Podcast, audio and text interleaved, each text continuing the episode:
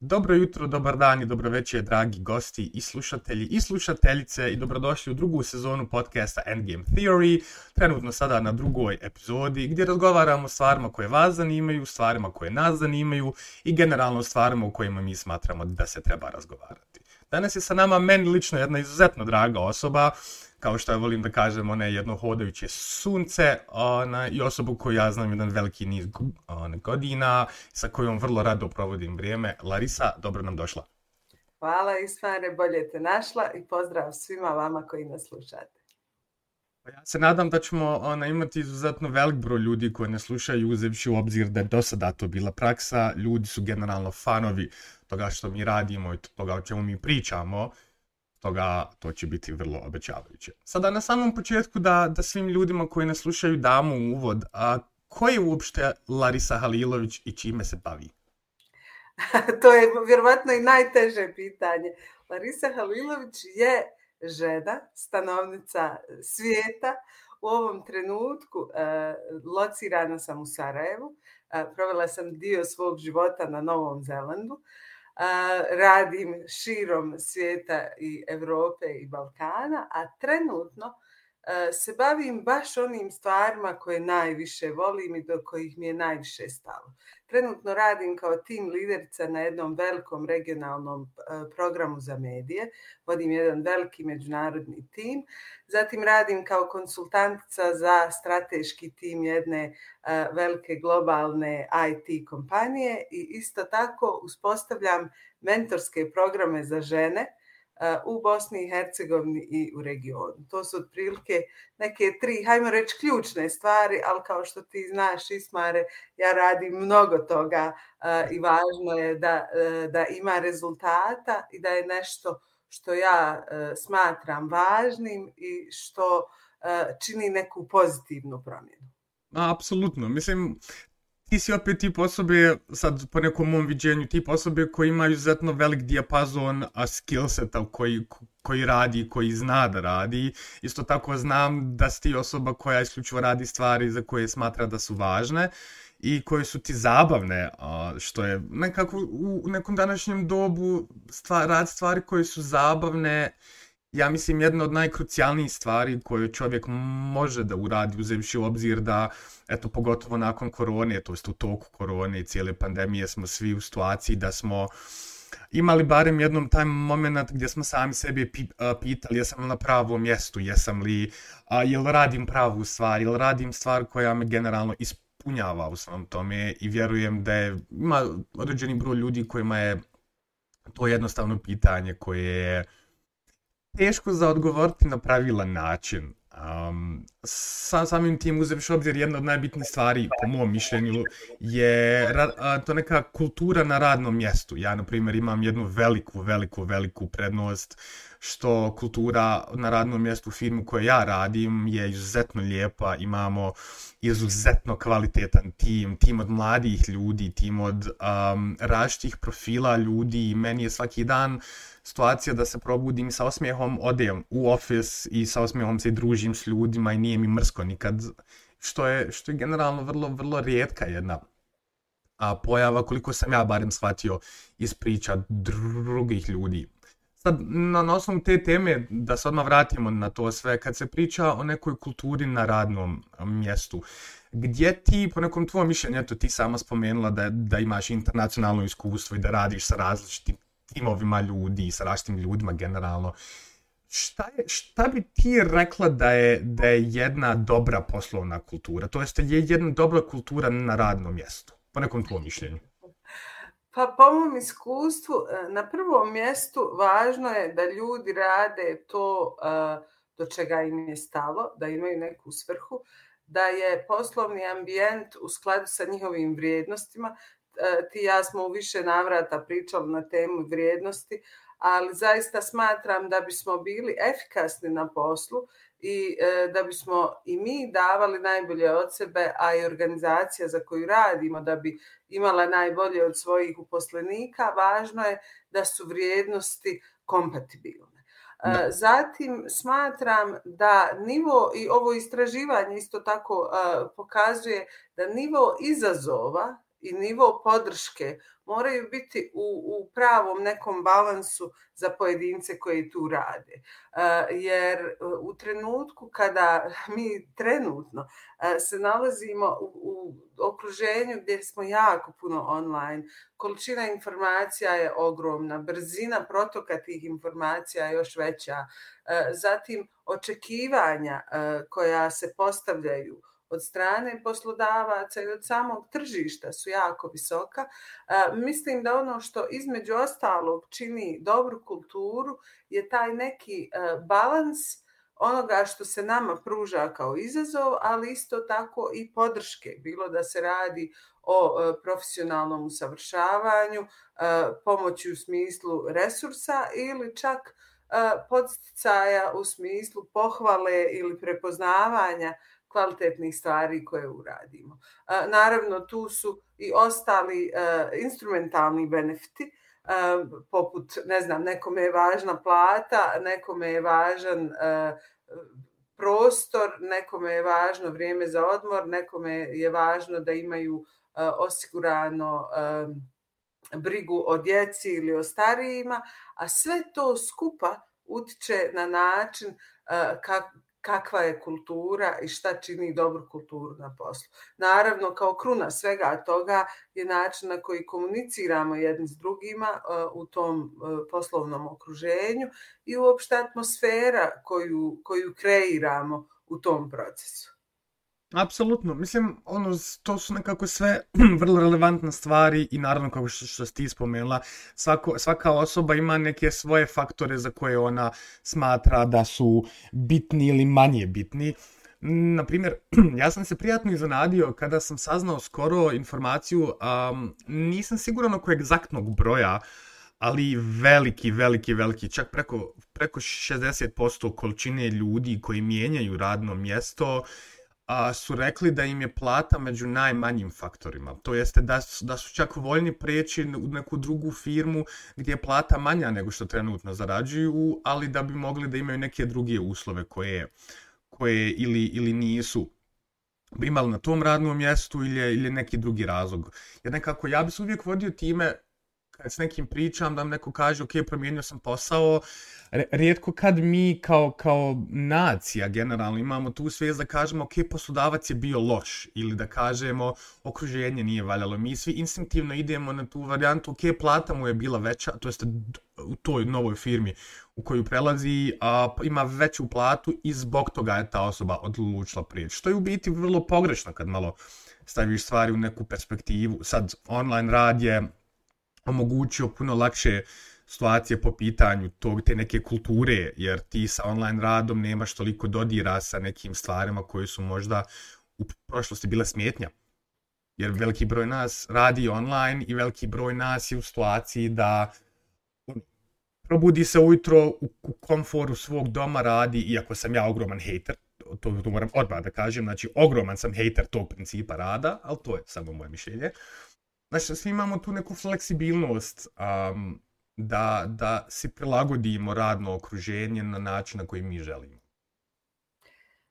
Pa svi, možda i ne, u zavisnosti jel, od, od oblasti u kojoj djelujemo, u, u servis service industriji je to malo drugačije, s tim što moram ti reći iz iskustva e, rada u različitim kontekstima, apsolutno se slažem s tobom e, kad kažeš da ljudi ne napuštaju uglavnom mjesta zbog plate, već u većem broju slučajeva to rade iz drugih razloga.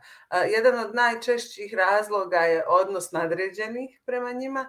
Isto tako, baš nedavno je Harvard Business Review, mislim, izbacio članak koji se bavi analizom šta to zadržava talent u određenoj kompaniji i tu je naglašeno stvari poput osjećaja pripadnosti, osjećaja e, da je nekome stalo do tebe. Jer sada, e, pogotovo sa promjenom generacija u, u poslovnom kontekstu, e, sve više onih koji žele da se osjećaju vrijednima, da pridonose, da rade nešto korisno, e, da, e, e, da to što rade ima neku svrhu i da se osjećaju dijelom nečeg većeg, e, neke zajednice, i nečega što je e, prijatan ambijent. E, prijatan ambijent, da.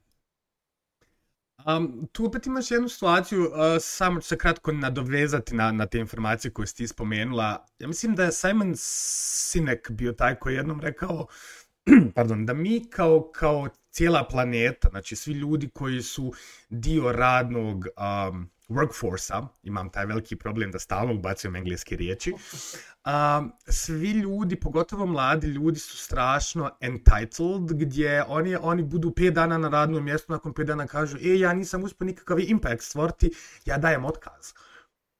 I to je jedna ogromna, ogroman je problem to postao u zadnje vrijeme, opet, po nekim informacijama koje sam ja vidio i čuo, to je stvarno taj, taj, um, svi su ljudi, svi, svi mladi, znači to je akcenat na mladi ljudi, svi mladi ljudi su fokusirani na taj neki instant gratification, da se njihov a, rad validuje odma, da se njihov rad cijeni odma, da oni odma svijet mijenjaju i onda su strašno razočarani kad se to ne dogodi, a nisu sagledali neke stvari da je generalno razvoj karijere i razvoj sebe kao eksperta je strašno dug. Jer ti realno 5 plus godina ti treba radnog iskustva da bi se ti smatrao nekim ok juniorom. Iako IT svijet po najviše, mada i druge sfere imaju taj, taj neki dio gdje kao eto prvi godin dana si junior, između 2 i 5 si medior, 5 plus si senior. Nisi, druže. Nisi. Mislim, moje barem mišljenje da nisi.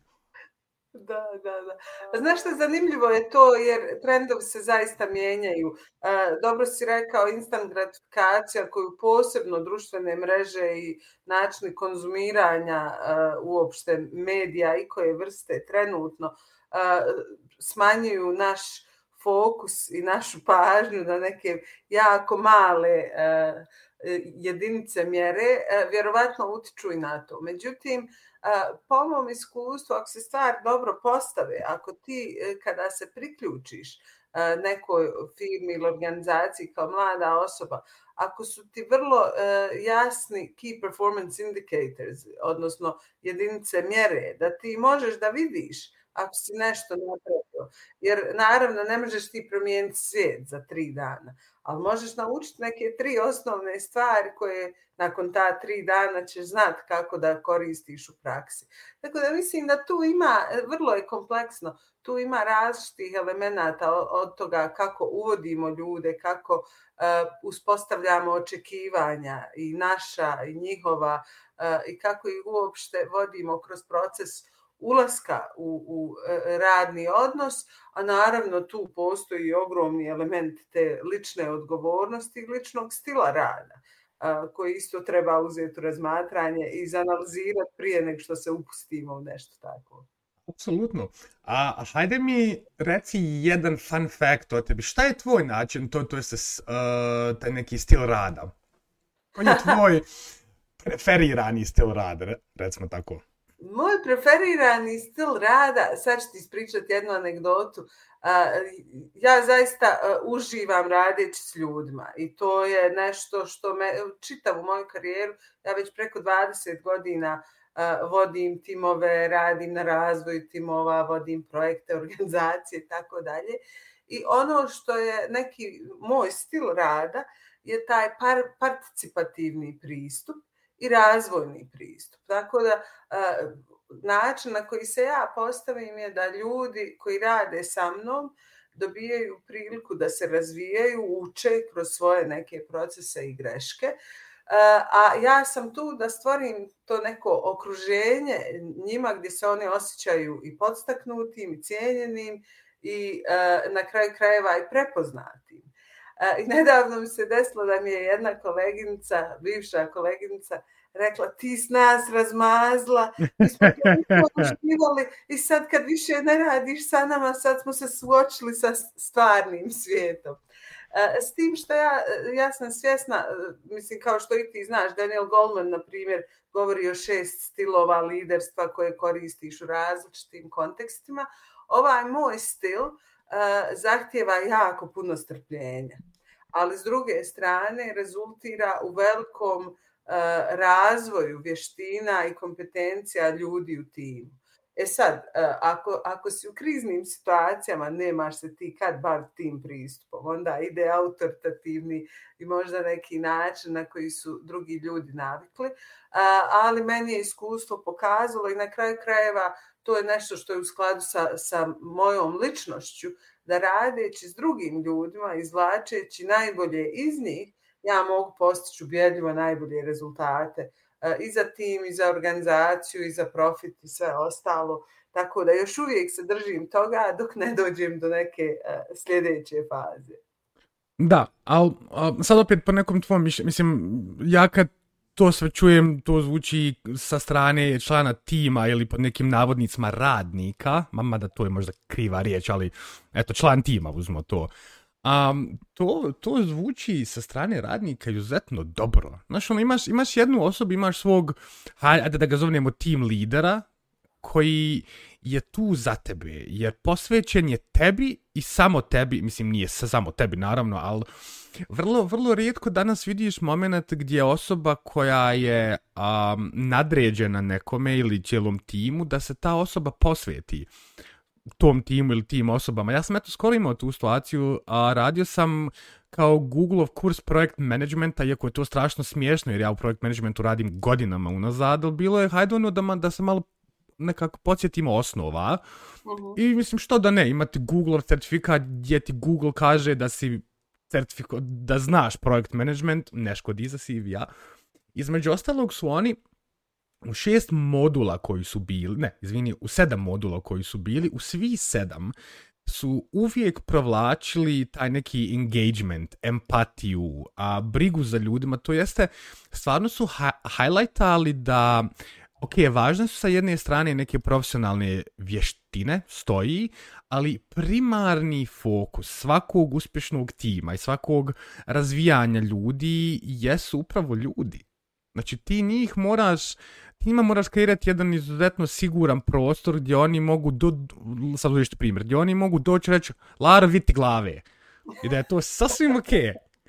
I naravno sva, sva neka druga strana i davanje kritike i primanje kritike i šeranje iskustava, strahova, na primjer. Ja sam to isto tako primijetio. Jako, jako mal broj ljudi u bilo kojoj firmi s kojom ja radim, bilo kojoj firmi s kojom ja komuniciram, jako mal broj ljudi šera strahove.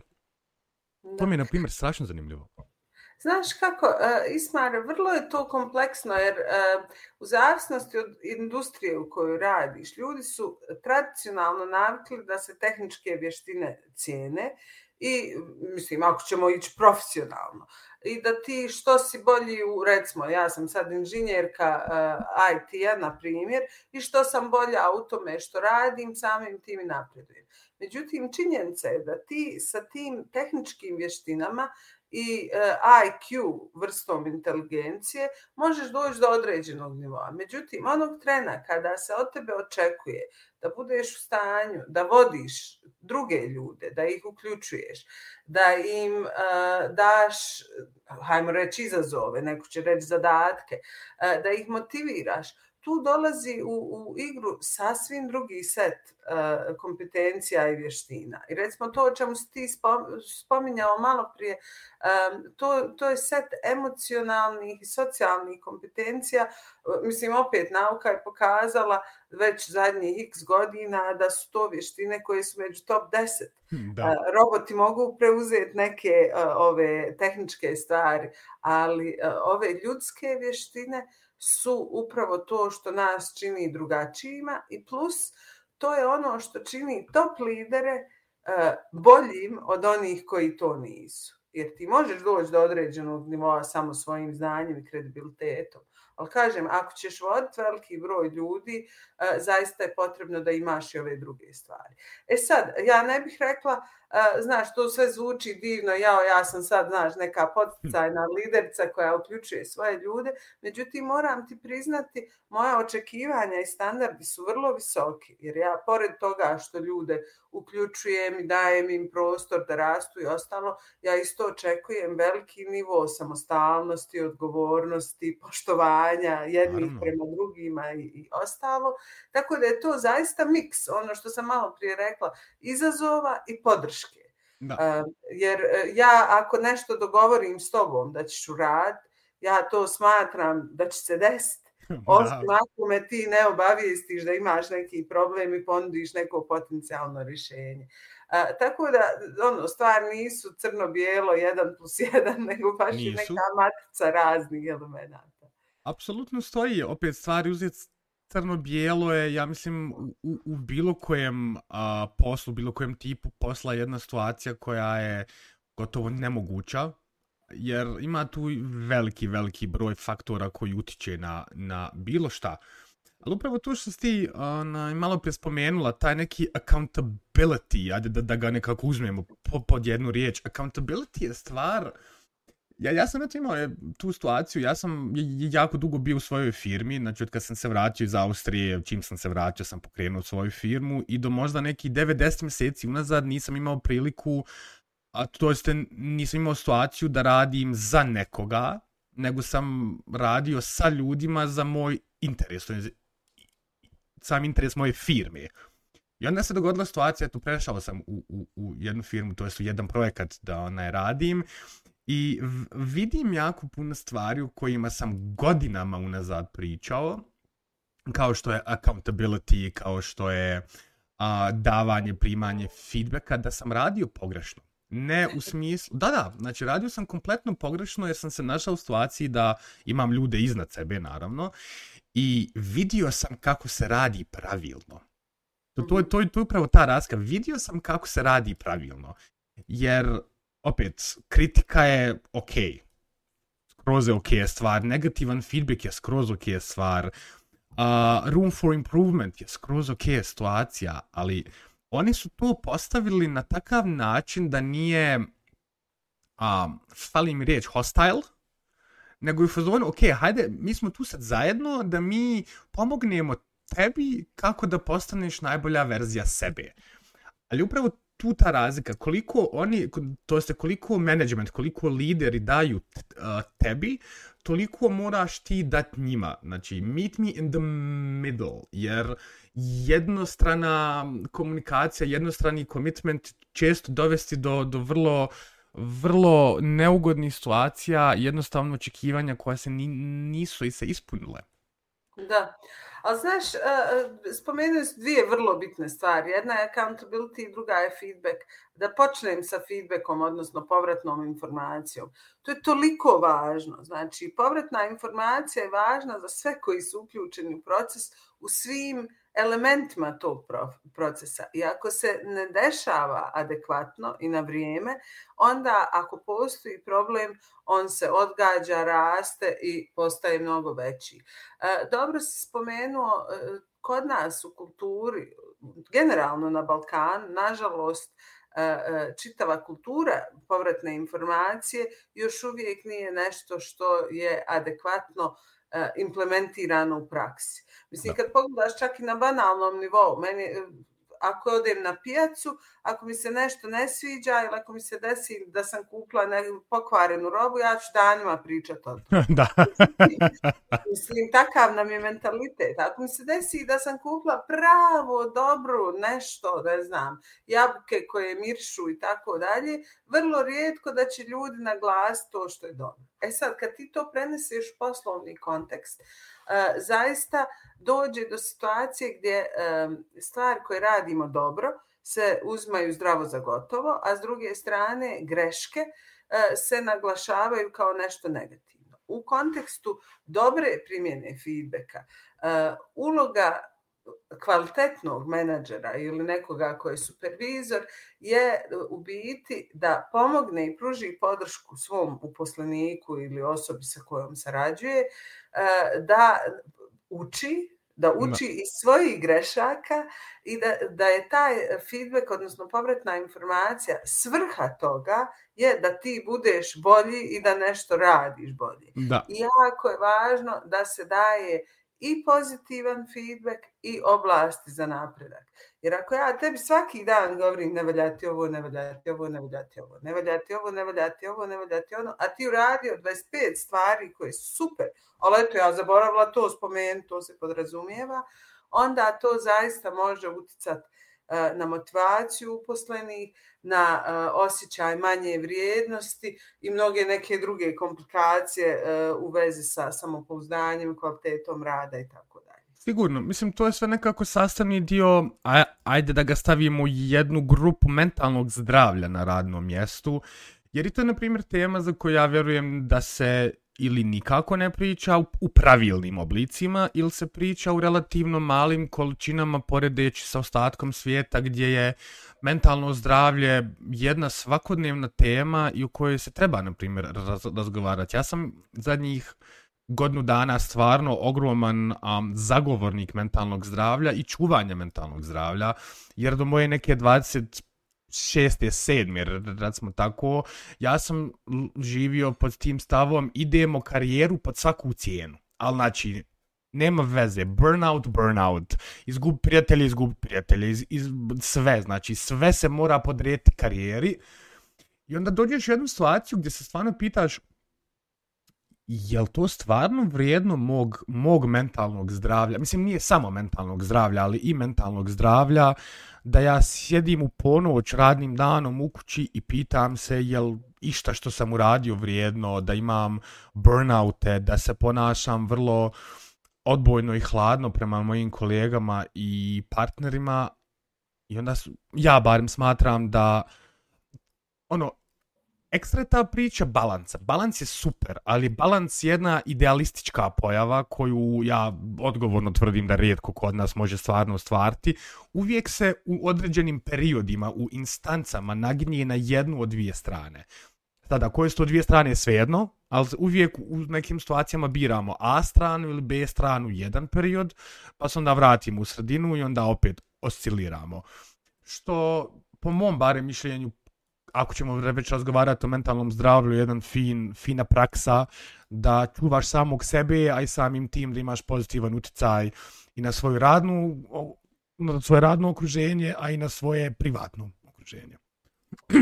Da, znaš kako taj balans, ja se nekad za, zapitam balans između čega i čega. Jer mislim, neko kaže work-life balance, meni je posao dio života. Drugo, mislim, ja imam djecu i supruga, ne mogu ja sad balansirati njih i posao. Oni su dio mog života. Znaš, meni je to nekako sve jedna velika cijelina. S tim što mentalno zdravlje i uopšte svijest o sebi samima je tako velika stvar i toliko važna, a mi opet na Balkanu zaista nismo naučeni od malena da razmišljamo o, to, o tome, da uh, radimo na tome, uopšte da, da osvijestimo da, na primjer, ko što imaš dentalnu higijenu i, i četkaš zube svaki dan, da postoji mentalna higijena i da je potrebno na, uh, na pročišćavanju uma. Mislim, metode su raznorazne, ali recimo, ljudi će uh, investirati novac u ne znam, proizvode za ljepotu u teretanu, a otići kod psihologa da treniraju uh, svoj um i da, da čiste uh, taj prenatrpani sadržaj, to je kao, a ne, no, to je veliki Šta će komšija reći?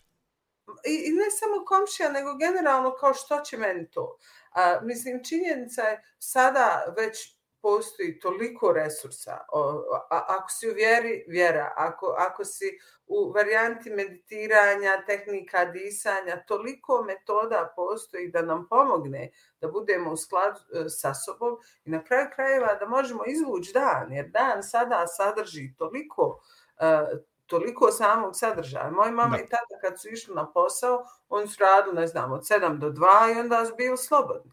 Mislim, ti sam znaš, moj radni dan traje i traje. Zato što ja tako biram. Ali isto tako, ako ja ne uplaniram u to vrijeme, i vrijeme da se skuliram i da meditiram i da dišem i da vježbam, ja jednostavno onda ne mogu izvući taj dan. E sad, u radnom okruženju to je tek drugi nivo tabua, jer po mom mišljenju psihološka podrška i uopšte podrška za razna pitanja mentalnog zdravlja treba da budu ugrađeni u politike radnog mjesta. Da postoji način da se zaštite uposleni, zatim ako se ne osjećaju dobro, da imaju jasne načine i, i, i tačke kontakata. Znači, ako se osjećam anksiozno, ako, ako se osjećam pod stresom, znam tačno kome se mogu javiti i šta dalje radim po tom pitanju. Mislim, ne moram ti ni govoriti koliko je sad, nažalost, mladih ljudi pod pritiskom do te mjere da se odlazi u, ne, u neka hronična stanja, zatim, nažalost, stopa suicida, znaš sam koliko da. je narasla, a na tome se može raditi, samo što zahtjeva i individualnu i kolektivnu akciju. Definitivno, mada ima tu i same svijesti, ja bih rekao, jer firme, to jeste okruženja bilo koja, bi trebale raditi na, na nekom razbijanju stigme prvenstveno, da otići kod psihologa, psihijatra, psihoterapeuta, koji god oblik toga svega da uzmeš, je sasvim normalna stvar. Ja da imam pravo glasa, ja bi uveo zakonski jednom u mjesecu svaka osoba na svijetu, idi se ispričaj s nekim. Ne, pa, pa, pa realno gledano, jer opet, a, veliki broj nas je programiran ne samo u Bosni, mada u Bosni vjerovatno izraženije nego u drugim zemljama regije, a mi smo programirani da šutimo i da, da se pretvaramo, nama je dobro i mi ćemo se sami izboriti sa tim svim što čim se trebamo izboriti. I te neke stvari kao što su mentalno zdravlje, kao što je anksioznost i sve ostalo, pod navodnicima nisu realne. Jer je meni komšija rekao, đeš ti biti anksiozan, ti ne pojma šta ti pričaš. I tu je upravo ta, ta uloga lidera, to je uloga menedžera, to je uloga direktora firmi. Ako ništa, barem da, da, da probaju neki, neki modalitet nekog periodičnog čekina s nekim psihologom. Kao ono, ne moraš, ali ako budeš ikad htio ono, anonimno, sve ok, sve dobro, ne mora niko znat ko se prijavio iz firme, osim jel, ti ljudi kod koji ideš, ali da se omogući ta neka situacija da imaš adekvatnu podršku pri svakoj situaciji u kojoj si bila to privatna, bila to po, ona radna ili bilo koja druga. Jer u velikoj većini slučajeva se jedan, jedna sfera života, sad uzmemo primjer privatna, odražava na poslovnu ili obratno. Znači jedno vuče drugo. To, to nisu dvije razdvojene cijeline, to je jedna cijelina koja se iz jednog stanja prebacuje u drugu. Ako ti jedno koči, koči će i drugo. Ako si privatnom životu pod, pod nekim navodnicima loš, radi nečega, će se odrasti na neki poslovni pe, uh, performance. Ako si na, na, na radnom mjestu pod stresom, anksiozan, nervirate direktor, whatever, će se odrasti i na privatno. I niko o tome ne pričam. Da, samo što moram ti priznat, stvari se mijenjaju. Jer recimo, spomenula sam ti da ja uh, imam već neku dugogodišnju uh, saradnju sa IT sektorom ovdje u Bosni i Hercegovini.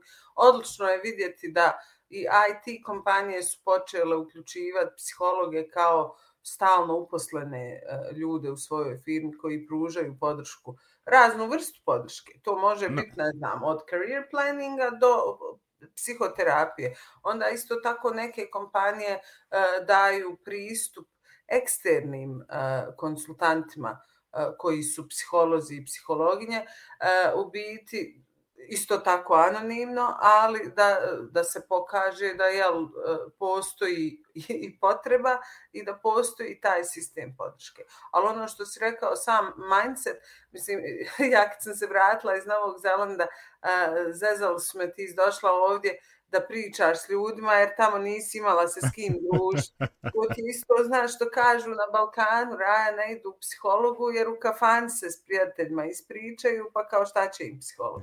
Ali činjenica je da nije isto kad ti pričaš, Upravo. nije to bezeze, kad ti pričaš s rajom u kafan pa otvoriš dušu, u odnosu na to kad pričaš sa osobom koja ima profesionalne vještine da te provede kroz situaciju u kojoj se nalaziš i da iščistiš uh, svoj i um i na kraj krajeva da prepoznaš i emocije i, i okidače i a, mislim svi smo mi puni raznoraznih trauma od onih Ma, naravno.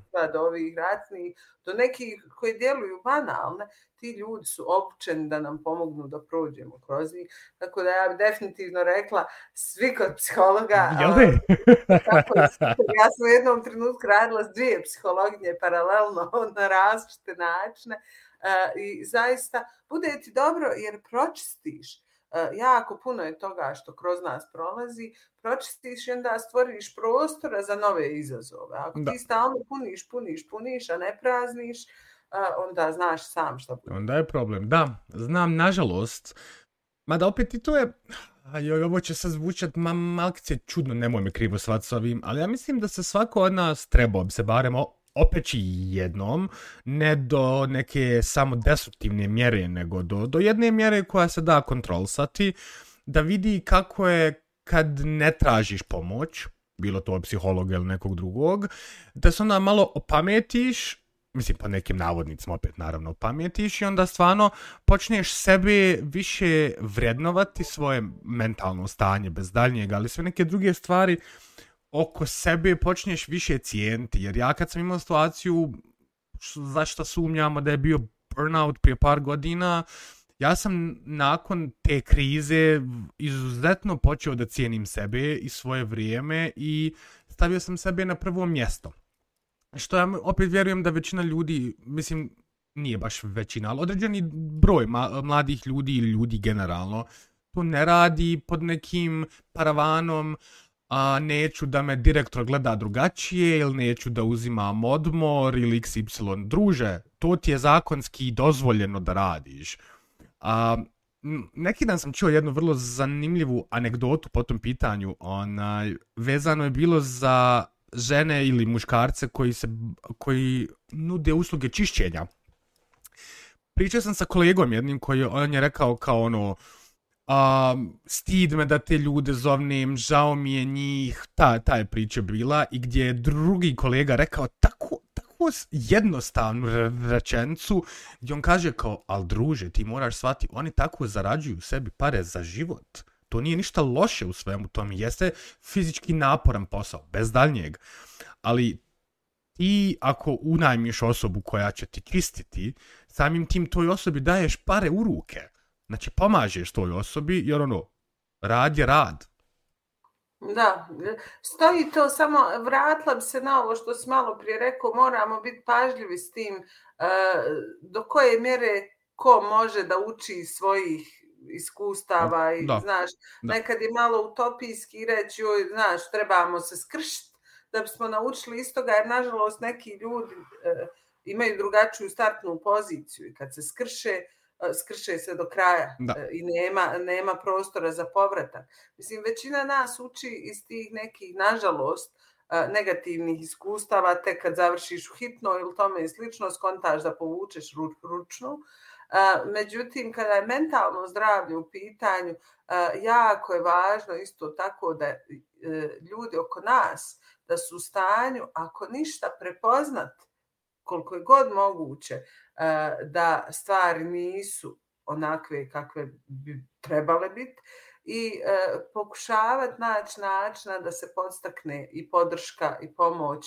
Uh, jer nismo, koliko god je lijepo reći, znaš, traži pomoć, mi nismo baš dareni da tražimo pomoć. Pogotovo kod žena je to specifično. uh, žene na Balkanu su naučene, ono, šuti, trpi, uh, radi koliko god i radi i posao i kućne poslove i služi i ovo i ono. I mislim, ja se ne sjećam da sam viđala moju mamu da kaže meni hajde mi pomozi jer ona kao može sve sama. Nana da ti ne pričam, ista stvar. Tako da mislim da je tu baš ono ogroman shift u smislu traženja pomoći generalno, a traženja pomoći u mentalnom segmentu, to je tek drugi nivo totalno. I zaista smatram da baš ono trebamo se primiti jedni za druge, uh, jer nije to baš jednostavno. I kažem ti, postoje nažalost situacije gdje ljude izgubimo u, u tom padu, jer im se desio pad iz kojeg se nismo mogli vratiti natrag. Mislim da, apsolutno se slažem da, da, da svako od nas koji ima početnu tačku, e, izvini, svako od nas ima drugu početnu tačku i svako od nas se jednostavno prilagođava svojim intelektualnim kapacitetima i šta on ili ona smatraju bitnim, važnim i ispravnim. A traženje pomoći, ja se slažem s tom, traženje pomoći jeste postalo ustaljenije, ako je to prava riječ, jeste, ja mislim, svejedno. Um, I to je to jedan trend koji će rasti, što je dobro, što je jako dobro. S tim da ima, jed- ima nekoliko stvari a za koje ja vjerujem da su van skopa mentalnog zdravlja, mada povezane su s vam tome. Jedna od tih stvari je meni baš ciljano zanimljiva, to jeste, ne znam imamo li mi neku, neku BH riječ za to, to jeste BHS riječ, ali to bi bio imposter sindrom. Mhm. A to to je sad jedna tema koja se u zadnje vrijeme spominje izuzetno često, u IT svijetu po najviše, ali i u drugim sektorima. Sada, imposter sindrom u nekom jednostavnom obliku, ispravme ako griješim, je to da ja ako radim stvar ABC, ja smatram da nisam dovoljno dobar za to, da imam uh, vještine i iskustva koja, koja nisu zadovoljavajuće i da drugi ljudi generalno bolje od, od mene rade. Po nekom tvom mišljenju opet ti imaš tu situaciju da i, i razgovaraš sa drugim timovima i sa, dru, i sa raznim ljudima, jer tu imaš internacionalno iskustvo. Koliko se ciljano o toj temi priča? Super ti je tema, to, mislim da su kod nas sad to nazvali kao sindrom varalce, iako nije to baš, nije identičan prevod, ali definitivno je nešto što se sve više i više pojavljuje kao tematika, pogotovo u kontekstu poslovnih žena, odnosno žena u biznisu. Znam da je u IT industriji e, prevalentno, ali primijetila sam u zadnjih možda pola godine da u ovim uh, poslovnim krugovima, hajmo reći uspješnih žena ili žena koje rade u nekoj management leadership karijeri, da se sve više i više priča upravo o, o sindromu varalice. Uh, I vrlo je zanimljivo, čitala sam e, neka istraživanja e, u Americi kažu da preko 80% ljudi je iskuslo taj sindrom u nekoj fazi svog poslovnog djelovanja, najčešće prilikom dolaska na novi posao.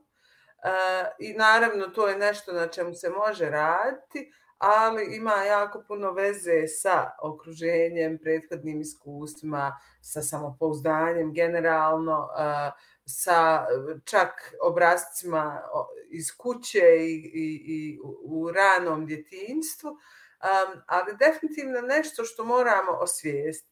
Jer svima nam se desilo prije ili kasnije nekad, uh, kažem najčešće kada dolazimo na novo radno mjesto, kad pomisliš ja, otkud ja ovdje? Yes. Znam ja ovo stvarno. Mislim, meni se to stvarno znalo desiti, iako ja sam uh, ziheraš, ono, u smislu ja neću aplicirati za neku poziciju ako nisam sigurna da ja to znam i umijem. Ali onda i kad dobiješ to, kontaš, u, hoću li ja ovo dovoljno dobro. Mislim, underneath it all ti znaš da hm. znaš, ali jednostavno uh, taj neki crvić sumnje i yes. isto tako um, potreba da se, da se dokazuješ drugima, te tjera da u stvari počneš sumnjati u sebe.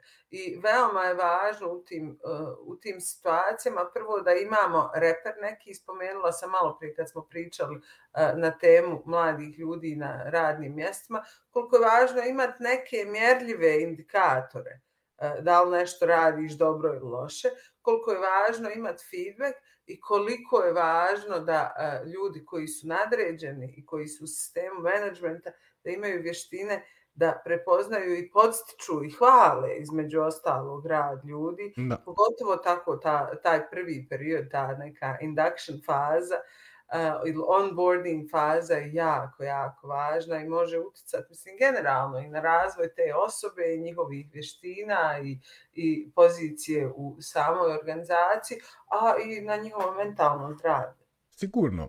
Mislim, opet, taj, taj neki dio uh, managementa koji ste spomenula da da u biti management treba da radi trebao bi da radi a te neke pozitivne prakse prema prema uposlenim ili jel dijelu tima.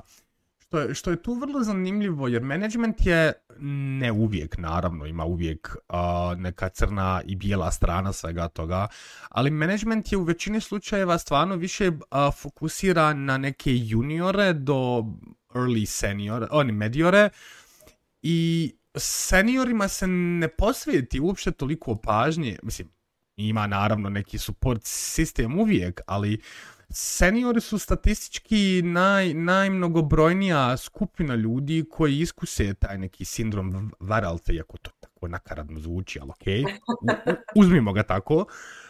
Um, jer seniori su stvarno ti koji, koji ono, stvarno imaju, dobro su potkovani znanjem, i onda ili se promijeni projekat na kojem radi, ili se promijeni firma ili sred sredina i onda se nađu jednostavno u situaciji gdje sumnjaju u sebe, što je, što je tako kontradiktorno jedno drugom, jer ti ako si senior, ako imaš, eto, uzmimo taj neki omjer, 5 plus godina iskustva, ma ti razvaljuješ bolan to što radiš, opet, u IT svijetu pogotovo, ne bi ti imao 5 godina radnog iskustva da ne znaš rad to što radiš ali ti ljudi najviše u sebi sumnjaju, što je meni, na primjer, vrlo, vrlo zanimljivo kad sam taj podatak saznao da uglavnom ljudi 5 plus godina radnog iskustva ti koji najčešće imaju onaj, taj imposter sindrom i ono, tu, tu, tu pravo ide to pitanje, ima li neki lijek za to, ima li neki, neki, neki univerzalni golden ticket pristup, whatever, da se to nekako spriječi ili smanji barem?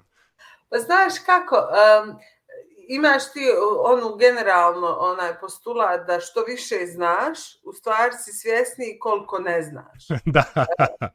Jer ljudi koji, koji malo znaju, a misle da, da svašta znaju, on nemaju problem s tim. Da. Ali ti što imaš više iskustva, što imaš više znanja, što imaš više životnog nekog generalno iskustva, ti svjesni, pogotovo ako si predan tome što radiš, ako si stvarno posvećen i da. dobar u tom što radiš i ako stalno učiš, ti si uvijek svjestan da uvijek može više i bolje i tako dalje.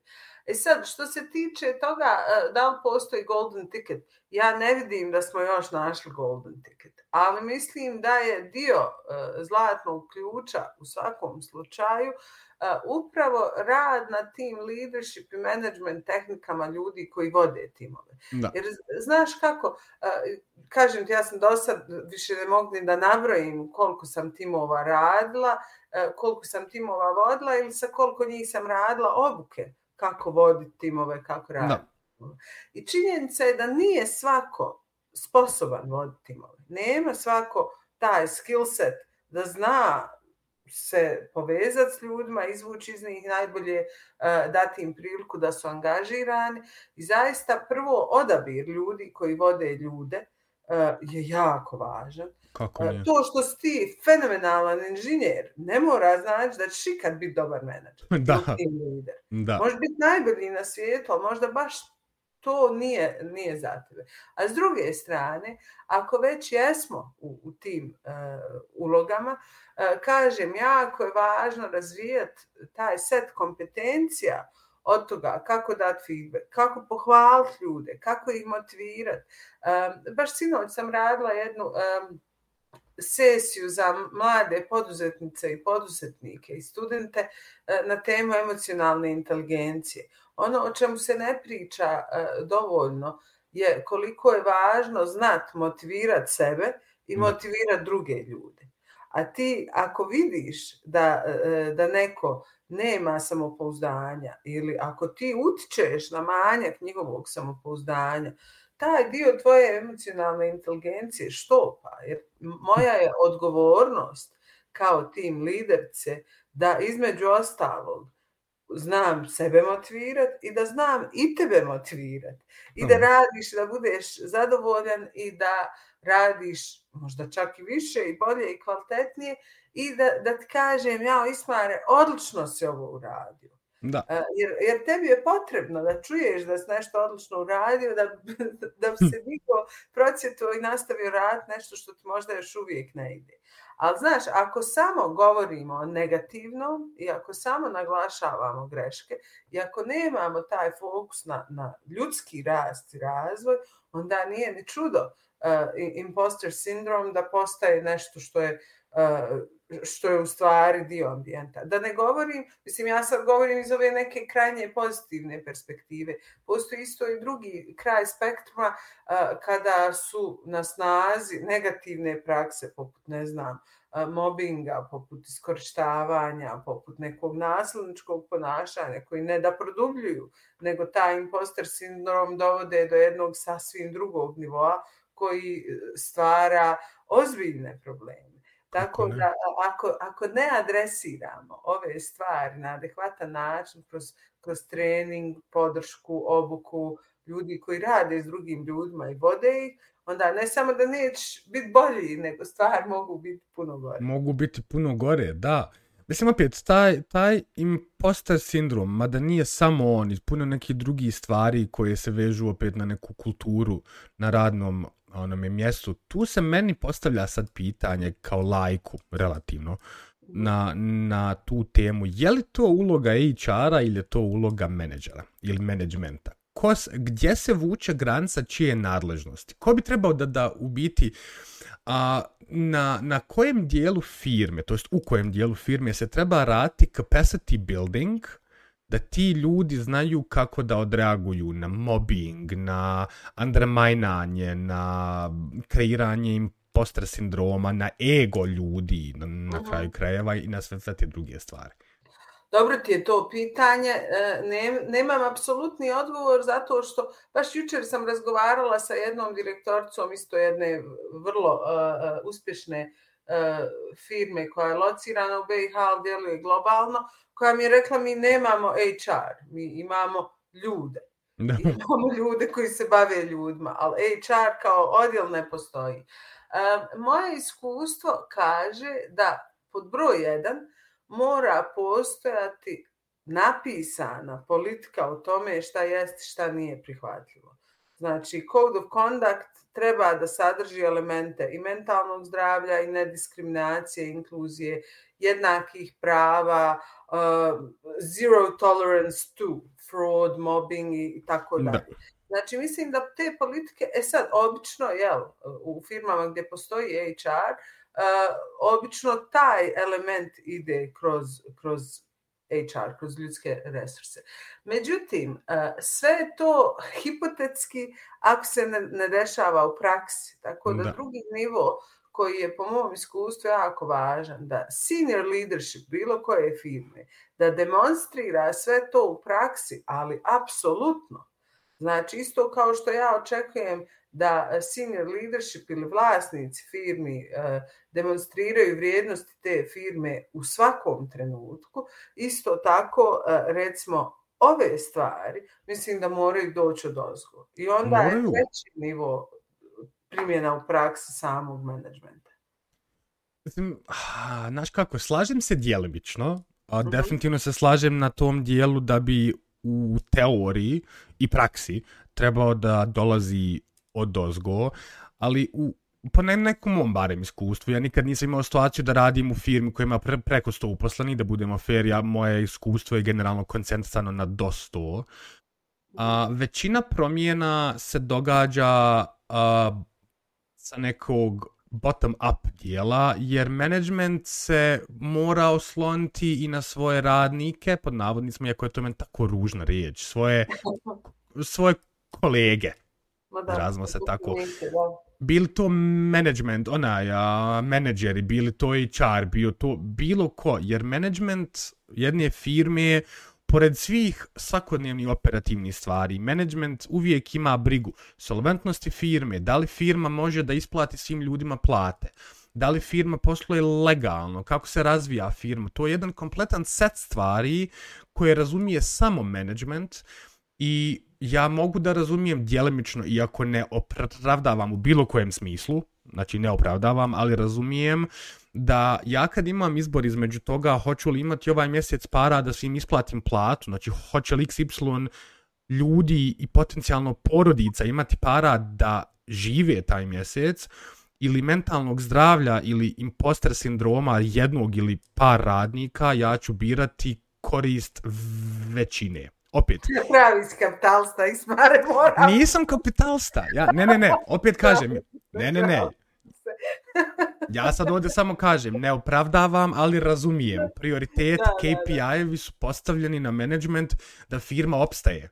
Da, ali znaš kako, mislim, e, sad iz perspektive, ja sam radila i u timovima gdje nas je bilo po dvoje, troje, četvoro i uh, vodila sam Uh, ured za Bosnu i Hercegovinu organizacije svjetske koja ima, ne znam, preko 7000 uposleni, radila sam sa firmama od po 500, zaista zavisi, mnogo je tu elemenata, ali smatram da top management mora biti primjer, ne kažem ja da ti trebaš donijeti odluku da ti je, ne znam, uh, burnout jedne osobe važnije od isplaćivanja plate trima drugim osobama, ali mislim da uh, uh, vlasnici firmi i, i top management moraju setovati standard ono, zero tolerance na stvar koje su stvarno neprihvatljive. Naravno. Bez kompromisa, da je poruka jasna. Ne moraš ništa specifično raditi, ali da je poruka jasna. Druga stvar, da uh, postoji jasan put reportiranja određenih problema. Jer sad u firmi od 500 uposlenika, niti ja mogu očekivati da će vlasnik firme ići provjeravati sa svakim uh, uposlenim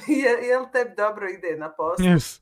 Imaš li slučajno osjećaj manje vrijednosti ili da slučajno ne osjećaš da, da slabije nešto znaš od nekog drugog. Ali isto tako potrebno je da postoji sistem gdje ta osoba zna da se može obratiti ili HR ako postoji, ili neko point of contact. Jer mislim, sad ne znam koliko se u toliko postoje safeguarding procedure koje se tiču i zaštite um, osoba iz uh, određenih ranjivih skupina u, u, na poslovnom tržištu, zatim zaštite djece i tako dalje. Uh, tu su procedure vrlo jasne, znaš, ti imaš uh, kontakt osobu uh, koja je zadužena da istraži slučaj. Pa nekad se desi da slučaj nije, mislim da, da nema slučaja, a nekad se desi da stvarno pomoć jest potrebna. E, tako da, mislim, kad kažem management je odgovoran, odgovoran je da setuje standard. A s druge strane, sve te procedure i naravno mi kao ljudi, jer ja mogu čut, trpiti ja ako ne kažem da imam problem na poslu, ako nikom to ne prijavim, on se ne dešava. Upravo. I vjerovatno znaš uh, da u mnogim organizacijama čak ako verbalno kažeš, a nisi napisao e-mail ili popunio formular, to je kao da se nije desilo. Da.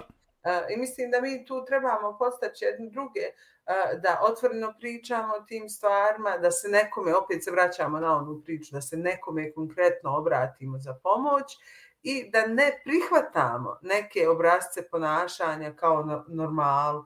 Mislim, tek na temu seksualnog uznemiravanja i na poslu uh, i u raznim kontekstima, mislim, Balkan je tu katastrofa. O, ono što je ovdje još prihvatljivo, to nigdje u svijetu više nije prihvatljivo. Baš. Ali moramo naučiti prvo da ne normaliziramo takvo ponašanje, a onda da vidimo šta se može uraditi da se to mijenja. Da. A izvini, ako se mogu samo jednu sekundu vratiti, molim te, na one support sisteme što ste ispomenula malo prije. Da li znaš, to jest, da li možeš imenovati jedan imenom koji postoji ovde u Bosni, čisto ako nekome ko bude slušao ovu epizodu bude zanimljivo ili korisno da znaju gdje se obratiti? Ako mi ima, imamo to u Bosni. Ajmo da imamo, Naravno, mislim, zavisi od profesije, ali evo, hajmo krenuti ono, blanket approach, šta je svima na raspolaganju. E, domovi zdravlja, odnosno e, centri zdravlja imaju besplatnu psihološku podršku e, koja je svima nama koji, koji smo osigurani na bilo koji naš, ako imaš zdravstvenu knjižicu, ako si dio bilo kojeg ovog državnog sistema, psihološka pomoć stoji na raspolaganju.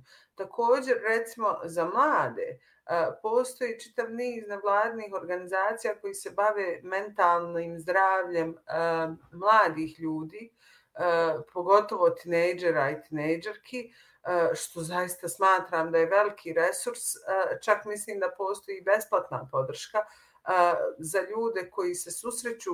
Nekad se ne radi o nama samima, nekad se radi o djeci, nekad se radi o, o osobama koje su u našem okruženju. E, zatim, recimo, e, za profesiju novinarki i novinara znam da udruženje, e, udruženje novinara BiH nudi besplatnu pravnu i, i psihološku podršku za bilo kakve situacije sa kojima se susrećemo koje bi mogle se smatrati kao negativnim ili opasnim za našu sigurnost ili za zdravlje. Zatim, da, za osobe koje spadaju u LGBTIQ skupinu, isto tako znam da postoji i pravna i psihološka pomoć. Naravno, za sve ove stvari potrebno je malo se raspitati. Ako nismo proaktivni, i ako se nalazimo u nekoj teškoj situaciji, to je malo teže. I pored toga postoji udruženje e, psihologa BH i DAPA, o, da. koji, koji fenomenalno rade. Mislim, zna, znaš, sam sarađivao si sa njima. Znam, imam izuzetno lijepa mišljenja o njima. Znači, od, od, mislim, opet, njih, oni su jedni od rijetki koji znam, ali moje iskustvo sa njima je apsolutno prelijepo. Tako su posvećeni, divni ljudi, eksperti bez, ono, be, be, bez ikakve sumnje, ali stvarno, znači, oni su da, meni da, prva liga. Imamo onda organizaciju Krila Nade isto tako za rad sa marginaliziranim skupinama gdje imaju uh, psihologe koji, koji su aktivno uključeni u procese. Zatim ima za ljude koji žele da to drže na individualnom, profesionalnom nivou, postoji čitav dijapazon različitih e, škola psihologije, odnosno psihoterapije, gdje pojedinci pružaju usluge iz tog specifično segmenta. Ne paše nam svima isti pristup. Da. E, I mislim da je tu važno i za, za ljude koji nas slušaju da odlučite šta vam paše, jer nekom možda prija geštalt pristupa za neke, neka stanja je možda bolji pristup kognitivno-behavioralna e, e, terapija. E, tako da ima tu, baš ima jako puno toga. Trenutno E, se, kao što sam rekla, sad taj segment raste i više se popularizira nego što je to bio slučaj prije. Nažalost, i potrebe rastu e, ali ja bih zaista preporučila za početak informisati se šta postoji u, u okviru našeg zdravstvenog sistema. Ako ste u prilici da platite, e, vidjeti šta se nudi u smislu različitih pristupa psihološke pomoći i za ove specifične skupine koje sam spomenula saznati jer zaista postoji i besplatna psihološka podrška pomoć. A vidiš, upravo je to onaj, smiješna je to malo situacija, znači ti si sad ovdje spomenula barem jedno šest, sedam opcija a, podrške koje, koje ljudi mogu da traže, a sad ovdje ću probati da pogodim jesam li u pravu ili nisam, ne znam, ali eto pro, probat ću nekako da dam neki estimate svega toga. Veliki broj ljudi ne traži pomoć uopšte. Um, to, to je prvo taj neki, um, kako sam čuo, ima izraz za to kao, nešto je na pra u pravcu sindroma žrtve u svemu tome gdje su ljudi jednostavno postali vrlo vrlo ugodni, vrlo komforni u svojoj mizeriji. Pa znaš šta, ima toga, ali to je baš pojednostavljenje situacije, jer uh, kažem, ljudi na Balkan, pogotovo u Bosni i Hercegovini, uh, ne možeš ti znat da je, ne znam, okus uh, kivija takav dok ga ne probaš. Isto Naravno. tako ne možeš znati da, da će ti biti bolje nakon psihoterapije ako nikad u životu nisi čuo za to, a kamo probao. Um, tako da nisam baš sigurna da su to svjesne stvari. Isto tako, zbog same stigme, mislim, znaš koliko ljudi sam pričala koji nagovaraju, mole svoje prijatelje, roditelje, rodbinu, da se jave psiholozima koji jednostavno imaju otpor i ne žele. Sad ne možeš ti natjerati odraslu osobu da uradi nešto protiv svoje volje. Ali mislim, taj, taj sindrom neke bespomoćnosti, odnosno stanje bespomoćnosti, može biti prouzrokovano ne zato što smo, što smo u tom stanju e, e, žrtve, već isto tako može biti prouzrokovano, na primjer, depresijom. Ti kad, kad zaista imaš stvarnu depresiju, onda je apatija i manjak volje i, i manjak, na kraju krajeva određenih hemikalija u organizmu nas sputava od toga da preuzmemo inicijativu da rješavamo stvari. Zato smatram da je važno, svi mi koji imamo neke resurse, um, da pazimo jedni na druge koliko je to moguće. Mislim, ne kažem ja da sad možemo ići spašavati živote svaki dan, ali znaš, pitat nekoga kako je, ali fakat pitat kako je, da saslušaš kako je.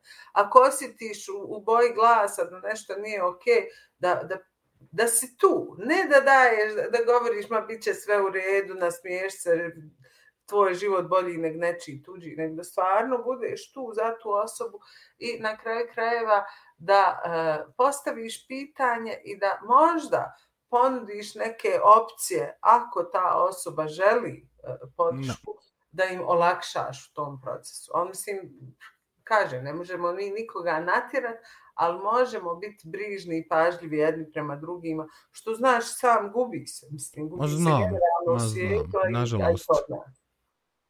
E, Ono, apsolutno se slažem, ono, gublji, uh, zaboravio sam pričat, gubi se, ono, to, te neke vrijednosti se stvarno, stvarno se već uble, a najbanalniji primjer koji ti mogu dati jeste, ljudi te u većini slučajeva samo sada slušaju i čekaju da ti završiš, samo da ti daju odgovor na to što si ti rekao ili rekla, ta umjetnost, to je bukvalno umjetnost slušanja ljudi, stvarno validacije njih, i njihovih, ne znam, briga, želja, bilo čega je tako jedna rijetka situacija danas da ako ti men kažeš stvar A, B, svejedno, da te, ja stvarno slušam i da, da stvarno uvažavam šta god da ti kažeš, skroz se ok ne slagati s nekim.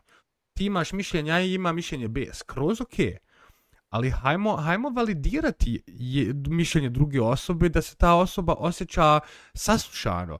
Jer ako, ako ti ja pričam, a ti meni samo kažeš jest, jest i da mi odgovoriš samo da mi odgovorila, nemamo mi tu šta puno pričati a Po tom pitanju su švedi najbolja nacija ikad.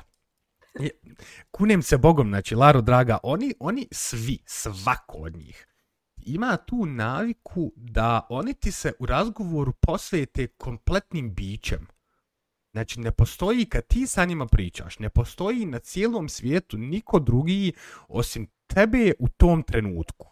Fascinantan jedan narod po tom pitanju i meni je uvijek sa njima stvarno uživancija razgovarati jer se ja osjećam uh, heard i samim tim osjećam se validirano i osjećam se cijenjeno. Mislim, ovo je sada taj neki skillset koji se treba praktikovati u svakodnevnom životu, nije bitno privatnom, poslovnom, ali oni su po tom pitanju svjetski prvaci.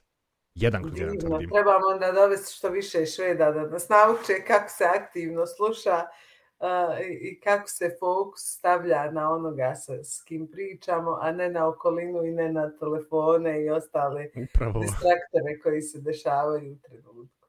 A ne imaš to isto tako jednu izuzetno zabavnu knjigu koju sam otkrio skoro, žao mi je što nisam prije otkrio to. Tu je knjigu napisao najuspješniji a, pregovarač a, taoca FBI-a ikad. A, knjiga se zove Never Split the Difference. I ona ti između ostalog priča oko vrlo simplificirani, da budemo fair, a, koncepta koji se koriste u pregovorima za ljudske živote i koje je on koristio gdje on stvarno pričao o tome da dati situaciju i onda ti o- objasni kako je riješio i u trećem dijelu te cijele priče ti objasni zbog čega je to uradio, na koji način je to korisno i taj neki cijeli, cijela tema oko svega toga. Najfrekventnija izjava, to je najfrekventnija a, tehnika koju on koristi je a, ogledalo gdje jednostavno se u vrlo, vrlo pojednostavljenom objašnjenju sa samo probaš da kopiraš pod navodnicima ponašanje druge osobe, ne u smislu da ako ti prekrstiš ruke, ja ću prekrstiti ruke, mada ima i toga, nego u fazonu da se nađete na istoj strani priče, da ste, da niste ti protiv te osobe, nego vi zajedno protiv problema. Genijalna knjiga, znači savjetujem svakome da je pročita, ta knjiga je zlata vrijedna. Mislim, ima ih još, naravno, bez daljnjega, ali ta je meni ostala, jer ta je, ta je neko oslikavanje, to ste preslikavanje. Um, mi smo svi vjerovatno podsvjesno programirani da tražimo sebi slično. Vjerovatno. I samim tim, ako te neko validira i uvaži tvoje mišljenje i kaže ti bilo što remotely close po tome što si ti rekao, tu se već može stvoriti jedna relativno stabilna osnova za neki daljnji odnos, za neku konverzaciju, za neki osjećaj pripadanja u svemu tome, što ja vjerujem po nekom mom iskustvu, barem veliki broj ljudi izbjegava.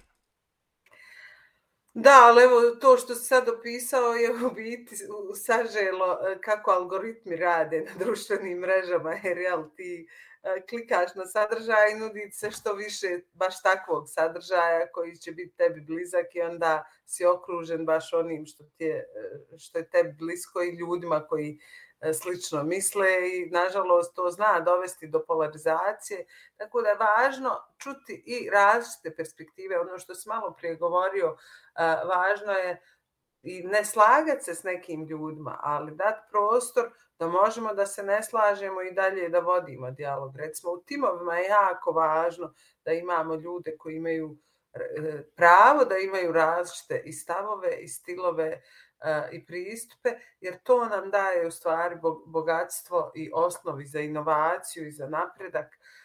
Jer ako imaš klub istomišljenika, ne možeš baš kreirati promjene. Mislim, promjene svakako ne možeš kreirati, to se slažem apsolutno, mada ne možeš ni ti sam rast. Da, tako. Jer ako imaš afirmaciju u svemu što radiš, nikad niko neće reći da li nešto pogrešno radiš. Ili da li možda nešto može bolje ili drugačije. Mislim, to je opet neka stvar ega, što je totalno zasebna tema za totalno zaseban podcast koji možemo snimiti nakon ovoga, samo oko same teme ega.